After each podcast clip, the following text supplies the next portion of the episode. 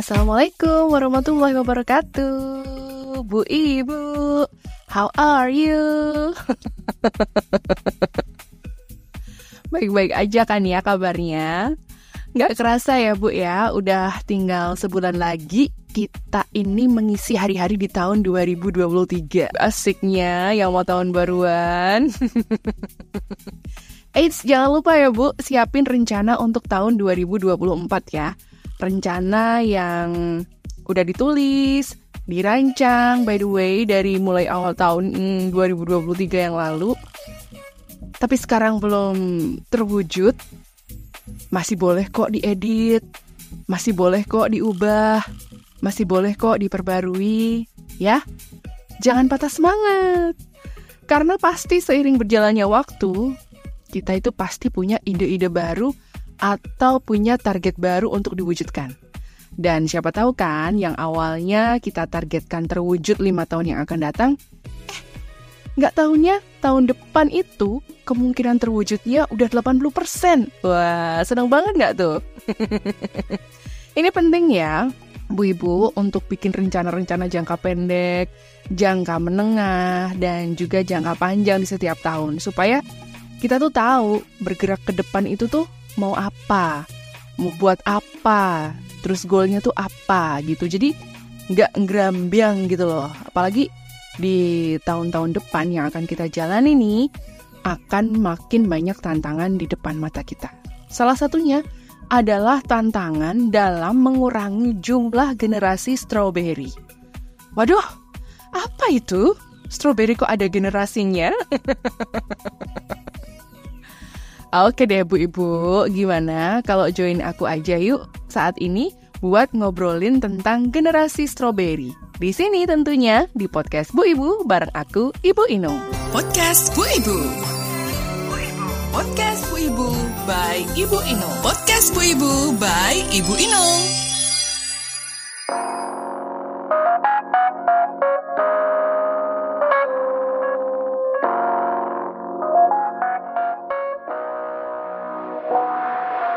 Ibu-ibu pernah dengar dengan istilah generasi strawberry? Bukan, bukan buah strawberry yang merah-merah itu, bukan. Generasi strawberry. Generasi strawberry itu adalah istilah yang disematkan pada sebuah generasi yang dinilai punya tampilan bagus di luar seperti strawberry, tapi ternyata lembek di dalamnya. Ya, layaknya buah strawberry jika terlalu lama dibiarkan dalam suhu ruang atau kegencet Kira-kira maksudnya apa itu ya? Hmm? Kok ada generasi strawberry itu apa sih? Gitu. Mungkin ibu bertanya ya.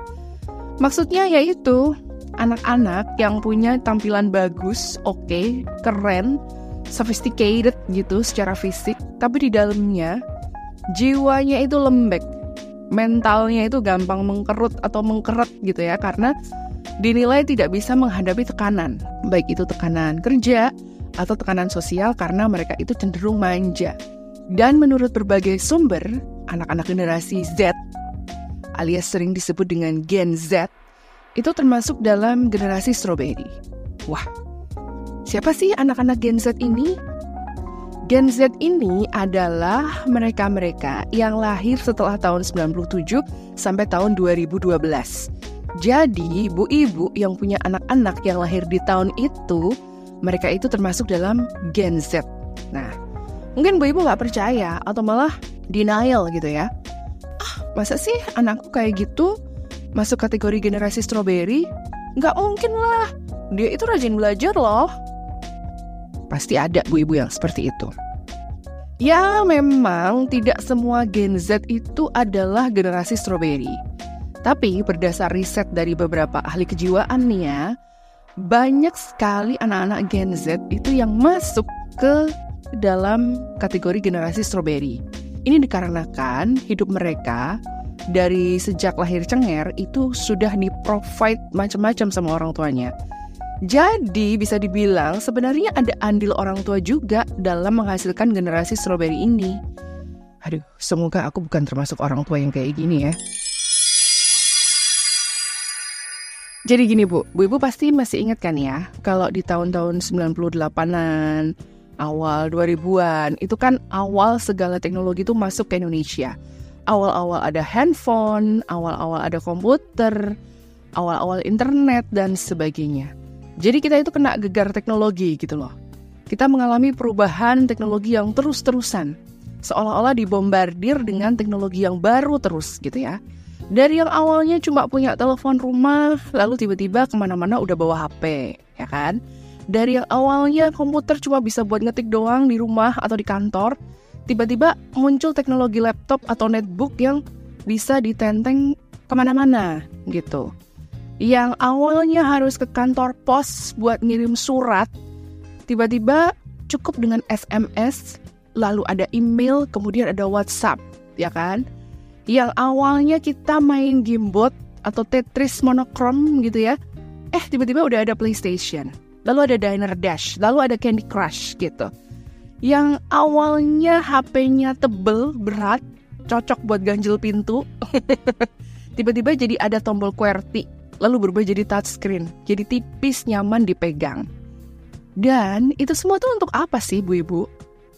Untuk memudahkan hidup kita. Iya, memudahkan, memudahkan berkomunikasi, memudahkan pekerjaan kita, dan memudahkan kita mendapatkan hiburan. Anak-anak Gen Z dalam pertumbuhan dan perkembangannya, terutama yang lahir setelah tahun 2012, itu hidupnya sudah dipenuhi dengan segala kemudahan ini. Anak-anak yang di tahun 2022 sampai 2023 ini sudah mencapai umur 25 tahun, tentunya makin nyaman hidupnya dengan adanya teknologi ini. Bapak ibunya apalagi? Kalau bu ibu dan pak bapak itu termasuk orang yang melek teknologi, tentu akan memanfaatkan segala perubahan kemajuan teknologi ini dengan senang hati ya. Dan tentunya akan terus catch up gitu dengan uh, segala perubahan teknologi yang terjadi gitu. Dan bisa dipastikan ketika sudah nyaman dengan itu maka teknologi itu pun akan merasuk juga dalam kehidupan sehari-hari. Kayak aku contohnya gitu kan aku adalah orang yang dengan senang hati menerima perubahan teknologi dan aku akan dan aku akan terus catch up dengan perubahan teknologi. Karena udah bisa dipastikan teknologi itu akan memudahkan uh, kehidupanku gitu. Gitu ya. Bu ibu pasti juga ada ya yang uh, sejalan sama aku ya gitu kan. Nah ditambah lagi dengan banyaknya orang tua yang punya pemikiran gini. Uh, aku nggak mau anakku tuh kondisinya kesulitan atau sengsara atau menderita kayak zaman aku dulu gitu. Ya bu, pak, zaman dulu kan emang masih terbatas teknologinya. Dan kayaknya semua orang tua wajar ya punya pemikiran kayak gitu. Siapa sih orang tua yang mau melihat anaknya itu hidupnya kesulitan, hidupnya kesusahan? Gak ada kan? Gak ada kan? Di mana-mana orang tua itu pasti punya prinsip satu, ngasih yang terbaik buat anak agar anak itu bahagia, ya nggak? Tapi yang bikin gak wajar adalah perlakuan yang diberikan orang tua ke anak itu yang kadang jadi over gitu ya, jadi overprotective, overprovided gitu-gitu. Nah, dalam perkembangannya si anak ini contohnya jadi kayak uh, dikit-dikit nggak boleh gini, dikit-dikit nggak boleh gitu, karena takut si anak itu kenapa-kenapa gitu loh. Orang tuanya tuh uh, ngekip anak itu ya, anak itu dikip maksudnya untuk dilindungi Misalnya biar nggak gampang sakit, atau mungkin biar nggak gampang disakiti sama orang lain. Tapi tahu nggak turn outnya? Tapi hasilnya tuh malah jadi apa? Anak nggak ada keberanian apa pun. Anak tuh jadi nggak pedean gitu loh. Anak tuh jadi malah rendah diri, gagap mau ngapain kalau orang tuanya nggak maju duluan gitu. Terus udah gitu, orang tua itu over provided juga gitu. Apa-apa disediain buat anaknya demi supaya anaknya itu nggak kekurangan. Ya itu bener sih. Memang kita sebagai orang tua itu harus menyediakan papan, pangan, sandang, pendidikan yang semuanya terbaik buat anak kita. Ya nggak? Tapi kalau semua semuanya itu disediakan lalu masih disodorkan tanpa anak itu tahu gimana cara ngedapetin itu semua, ya gimana mereka nggak lembek ya kan? Karena mereka tuh taunya, ya udah ada kok. Yang aku butuhin udah tersedia semua kok, ya kan? Minta ini udah disiapin, minta itu ada yang ngasih, gak minta juga udah disiapin, ya nggak? Ya gimana mereka mentalnya nggak lembek gitu loh. Bahkan karena sebegitu besarnya effort orang tua untuk bisa memprovide keluarga itu dengan materi, si bapak dan si ibu ini lalu bekerja mati-matian. Sedangkan anak hanya diasuh sama nenek atau kakeknya atau babysitternya atau sama ART-nya di rumah. Dan sebagai pengasuh kan biasanya ya cukup jagain keselamatan fisik si anak ini kan. Nggak kemudian uh, pusing gimana harus ngebentuk bonding buat anak ini kan. Gimana caranya supaya tangki cinta anak ini terisi gitu kan nggak ada kemudian mikirin kesehatan mentalnya anak ini gitu kan. Nggak ada gitu loh. Karena kan biasanya yang ngasuh juga udah dititipin macam-macam sama orang tua si anak. Dan biasanya itu bentuknya materi gitu loh. Misalnya hmm, mbak nanti kalau adik mau maem pakai lauk yang di meja aja ya. Uh, terus cemilannya yang ini yang ini yang ini. Ini susunya. Jangan lupa ya. Oh iya ini ada uang buat uh, tambahan kalau adik mau jajan terus nanti kalau tiba-tiba demam adik obatnya yang ini ya bla bla bla bla bla aku pergi kerja dulu ya. Gitu. Dan masih ditambah lagi banyak orang tua yang masih rela untuk mengerjakan segala hal baik itu pekerjaan domestik atau tugas akademisnya anak-anak. Anak-anak berantakin rumah ya wes diberesin sama ibunya. Karena ibunya beranggapan bahwa anak itu kan tugasnya belajar, sekolah yang pinter, nggak ikut beresin rumah juga nggak apa-apa. Ngomongnya gitu. Tapi giliran anaknya punya tugas sekolah, punya PR, lah orang tuanya ikut ngerjain. Malah justru orang tuanya yang justru ngerjain full semua soal-soalnya. Alasannya apa? Ya biar nilainya bagus toh. Kan malu kalau nilainya nggak bagus. Ada. Kenapa ibu yang malu? Yang sekolah kan anaknya. Dia dikasih tugas, ya dia yang ngerjakan sendiri. Semampunya dia. Dia mampunya segitu, cuma dapat nilai 6. Ya wes, yang penting dia udah berusaha kok. Nah, yang kayak gini tuh yang bikin mental anak tuh jadi memble gitu ya. Dia itu seakan ditutup kesempatannya untuk membuktikan diri bahwa dia itu capable loh buat melakukannya sendiri gitu. Padahal sebenarnya anak-anak ini mungkin juga udah cukup umur untuk mengerjakan itu sendiri. Udah cukup umur untuk ngerti, paham tanggung jawabnya dan resikonya gitu. Kenapa orang tuanya kok sepertinya susah sekali gitu loh untuk mempercayai anaknya bahwa dia itu mampu gitu. Ini yang bikin anak Gen Z kemudian dijuluki sebagai anak generasi strawberry. Aku punya anak bu yang masuk dalam generasi Z ini Umurnya sekarang 13 tahun dan 11 tahun. Dan aku sangat-sangat tidak ingin mereka itu dijuluki sebagai generasi strawberry. Aku tidak ingin mereka sampai masuk ke dalam generasi strawberry itu. Aku mau cerita ya. Jadi gini, uh, beberapa minggu lalu saat aku itu bertemu dengan kerabat dan ngobrol banyak hal, dia tiba-tiba berkomentar. Kasihan loh Nung, itu jauh loh. Masa anakmu disuruh naik sepeda sendiri? Komentar itu ditujukan untuk anak laki-lakiku yang umurnya udah 11 tahun yang seminggu tiga kali punya jadwal latihan sepak bola di sebuah SSB atau sekolah sepak bola yang lokasinya di kecamatan sebelah yang berjarak lima setengah kilometer dari rumah.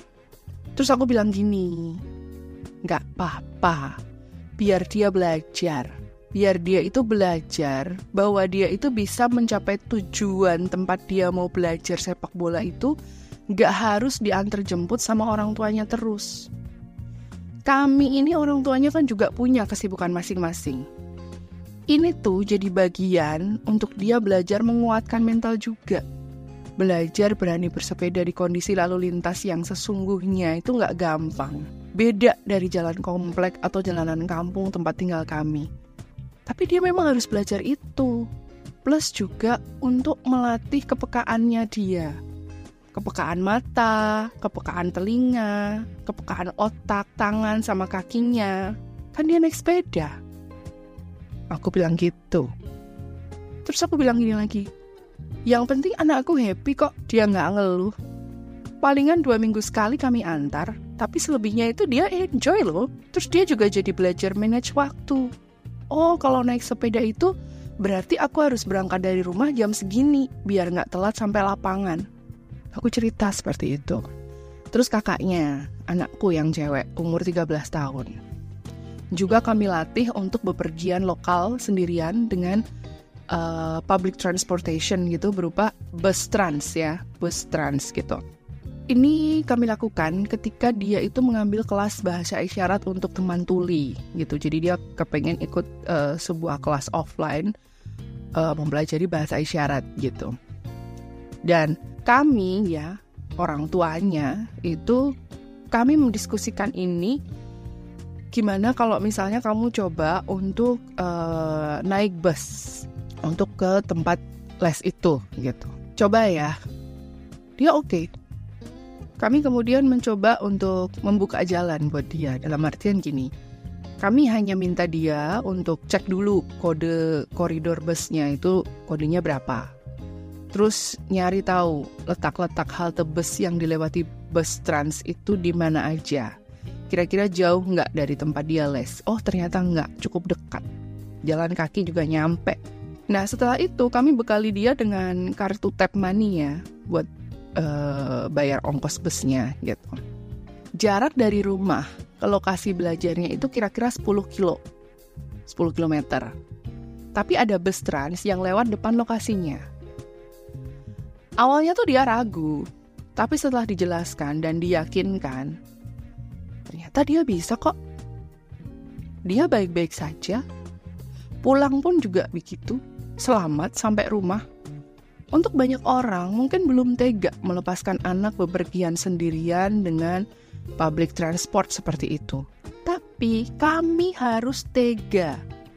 Kami harus tega memberikan pelajaran itu kami harus tega mereka belajar itu.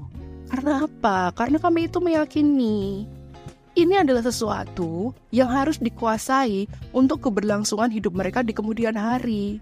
Kita tidak akan selamanya bergantung pada mobil pribadi untuk bisa bepergian jauh ke kota lain kan? Otomatis kan kita akan memilih moda transportasi untuk bisa mencapai provinsi-provinsi lain, pulau-pulau lain, negara-negara lain, ya kan? Dan yang memungkinkan adalah moda transportasi publik kayak bus, kereta, kapal, pesawat. Kalau si anak ini nggak segera dilatih di usia yang sesuai fitrahnya, kapan anak akan punya keberanian untuk itu gitu loh. Nah, hal-hal ini masih jarang dilakukan oleh keluarga yang memang udah terbiasa memprovide anak-anak mereka dengan kemudahan. Dan anak-anak ketika sudah ada di zona nyaman mereka, akan susah keluarnya. Contoh, nggak ada yang nganter, nggak jadi les. Ah, nggak ada AC-nya, jadi males naik transportasi umum. Nggak ada internetnya, bikin males berpetualangan ke alam. Jadinya ya gitu. Bahkan mereka sendiri nggak tahu harus mengusahakannya gimana, karena nggak terbiasa diajak orang tua itu untuk berdiskusi tentang hal yang akan menyangkut hajat hidupnya gitu loh. Anak itu jarang atau mungkin malah nggak pernah diajak nyari solusi baiknya gimana. Tapi orang tua justru selalu ngasih cara-cara yang mudah hanya agar anaknya itu nggak ngerasain kesusahan. Masih banyak orang tua yang seperti itu. Dan ketika nggak ada solusi yang mudah untuk si anak ini, karena sudah terlanjur ada di zona nyaman itu tadi, anak-anak ini apa jadinya? Ngambek, ngambek, lalu sedih, lalu ngerasa dunianya runtuh, merasa nggak ada dukungan yang bikin dia bisa happy, kayak gitu. Ini juga salah satu ciri generasi strawberry ya. Ngambekan, baperan, lalu dikit-dikit merasa paling punya mental health illness, si paling overthinking, si paling insecure, kalau kayak gini didiemin dan bertambah banyak kuantitasnya, apa yang nanti kita panen? Ya, panen generasi yang dikit-dikit putus asa, dikit-dikit males, dikit-dikit ngeluh. Jadi generasi yang gak ada daya juangnya. Padahal tahu nggak Bu Ibu, lima tahun ke depan kita, para orang tua dan anak-anak generasi Z ini udah harus lebih banyak waspada. Banyak hal yang harus diwaspadai. Salah satunya apa? Salah satunya adalah waspada akan artificial intelligence alias AI. Ya. Di tahun 2023 ini aja, AI itu bisa dibilang developmentnya udah pesat banget. Yang dari tahun-tahun sebelumnya mulai diuji cobakan ke robot-robot sederhana kayak drone, lalu ke mesin face recognition gitu. Sekarang itu udah merambah ke berbagai mesin dan teknologi ya. Terus filter-filter di TikTok itu juga udah banyak ya yang pakai AI gitu. Kalau anak-anak generasi strawberry ini nggak segera berubah dan bangkit dari zona nyaman, 5 atau 10 tahun mendatang itu bisa kalah saing sama AI dalam hal kemampuan lo. Kemarin aku datang ke sebuah talk show, pembicaranya itu Profesor Renald Kasali. Beliau bilang, untuk bisa bersaing dengan AI, anak-anak sekarang itu harus mulai digenjot dengan ilmu-ilmu sains perkenalkan sains sedini mungkin. Era itu sekarang udah berubah, dan berubahnya cepet banget. Jadi era sekarang itu bukan lagi mengejar anak usia dini harus dapat pelajaran calistung dulu, gitu. Karena sekarang yang dibutuhkan dunia dan tentunya negara kita sendiri itu adalah para saintis, teknolog yang mampu membuat AI, bukan lagi orang-orang yang hanya mengerjakan paperwork saja. Begitu beliau bilang. Jadi ibu lebih baik bersiap mulai dari sekarang nih. Yo, gimana caranya memperkenalkan sains kepada anak dan membuat anak itu cinta dengan sains. Tapi tahu gak sih bu, meskipun generasi strawberry ini sering dibilang lembek gitu ya, dan cuma tampilan muka aja, maksudnya di permukaan aja tampilannya oke okay, kayak gitu, ada menariknya juga dari generasi strawberry ini. Generasi yang sering disebut males, mager, baperan, ini tuh ternyata adalah generasi yang sangat kreatif gitu. Banyak hal yang tercipta dalam kurun waktu uh, eh, 5 sampai 6 tahun ke belakang itu sebenarnya adalah atas hasil pikiran dan kreativitas anak-anak Gen Z. Jadi tetap ada something yang bisa dibanggakan gitu ya. Tapi mungkin ibu bertanya, eh kok bisa sih? Masa iya anak-anak Gen Z loh? Bisa dong. Bisa bu, karena ada faktor dukungan teknologi yang mengiring kehidupan mereka 5-6 tahun yang lalu. Mungkin ibu masih ingat bahwa 5-6 tahun yang lalu, 5 atau 6 tahun yang lalu itu akses internet tuh makin banyak, makin mudah dan makin cepat ya. Komputer juga sudah dilengkapi prosesor yang mumpuni kerjanya. Terus cara belajar yang bikin mereka berpikir kreatif itu juga sudah mulai dikembangkan loh, meskipun belum banyak kayak sekarang ya. Tapi beberapa sekolah kan juga sudah mulai apa ya, memperbaiki kualitas pendidikannya dengan cara-cara pengajaran yang lebih asik gitu loh, yang bikin anak itu uh, terpantik kreativitasnya gitu. Terus ditambah lagi uh, taste atau selera anak-anak ini dalam bidang seni yang lima tahun yang lalu itu sudah mulai difasilitasi dengan baik sehingga anak-anak ini tuh mampu mengembangkan minat dan bakatnya jadi seniman-seniman keren kayak sekarang gitu loh jadi artis-artis multitalenta ya kan musik-musiknya juga macem-macem enak didengerin karya-karyanya juga bener-bener out of the box gitu ya kita harus mengakui itu. Kita harus mengakui itu, Bu. Bahwa anak-anak muda kreatif yang kita temui saat ini sebagiannya adalah generasi Z. Gen Z ini bisa dibilang sebagai opener ya atau pembuka jalan gitu untuk nanti adik-adiknya yaitu generasi alpha atau gen alpha itu menjadi bonus demografi di tahun 2037. Karena gen alpha inilah yang nantinya akan ikut jadi tambahan bonus manusia-manusia produktif di tahun 2037. Ya, at least Gen Z ini bisa ngasih contoh daya juang lah ya, daya belajar yang oke okay banget gitu buat Gen Alpha. Bukan ngasih contoh untuk mageran atau baperan atau uh, menjadi si paling insecure gitu. Bukan kayak gitu. Kasih contoh daya juangnya. Kasih contoh ke Gen Alpha ini bagaimana menjadi seseorang yang kreatif kayak gitu. Nah, tentunya ini pun nggak lepas dari peran bu ibu dan juga pak bapak sebagai orang tua. Jangan sampai kita maunya anak tuh bisa mandiri, dewasa, dan tanggung jawab, kalau kita orang tuanya aja belum jadi raja tega gitu ya dalam mendidik anak-anak gitu. Justru yang kita harus sodorkan adalah realita saat ini dan overview tentang masa depan itu kepada mereka supaya kita sebagai keluarga itu bisa ambil ancang-ancang secara bersama-sama terus kemudian uh, start untuk nyiapin diri bersaing di dunia yang makin keras kayak gitu. Jadi memang kita tuh mempersiapkan diri tuh diri kita, diri anak-anak dan bersama-sama karena lima tahun ke depan tuh udah udah jelas banget pasti akan banyak perubahan gitu kan. Jadi yuk bu pak kita mulai hadapkan anak dengan fitrah usianya ya. Jangan suapi mereka dengan kemewahan terus. Jangan cekoki anak-anak itu dengan manisan kenyamanan terus gitu loh. Kita ajak yuk anak itu kenal dengan perjuangan, dengan kesusahan. Tapi bukan berarti harus hidup susah, bukan.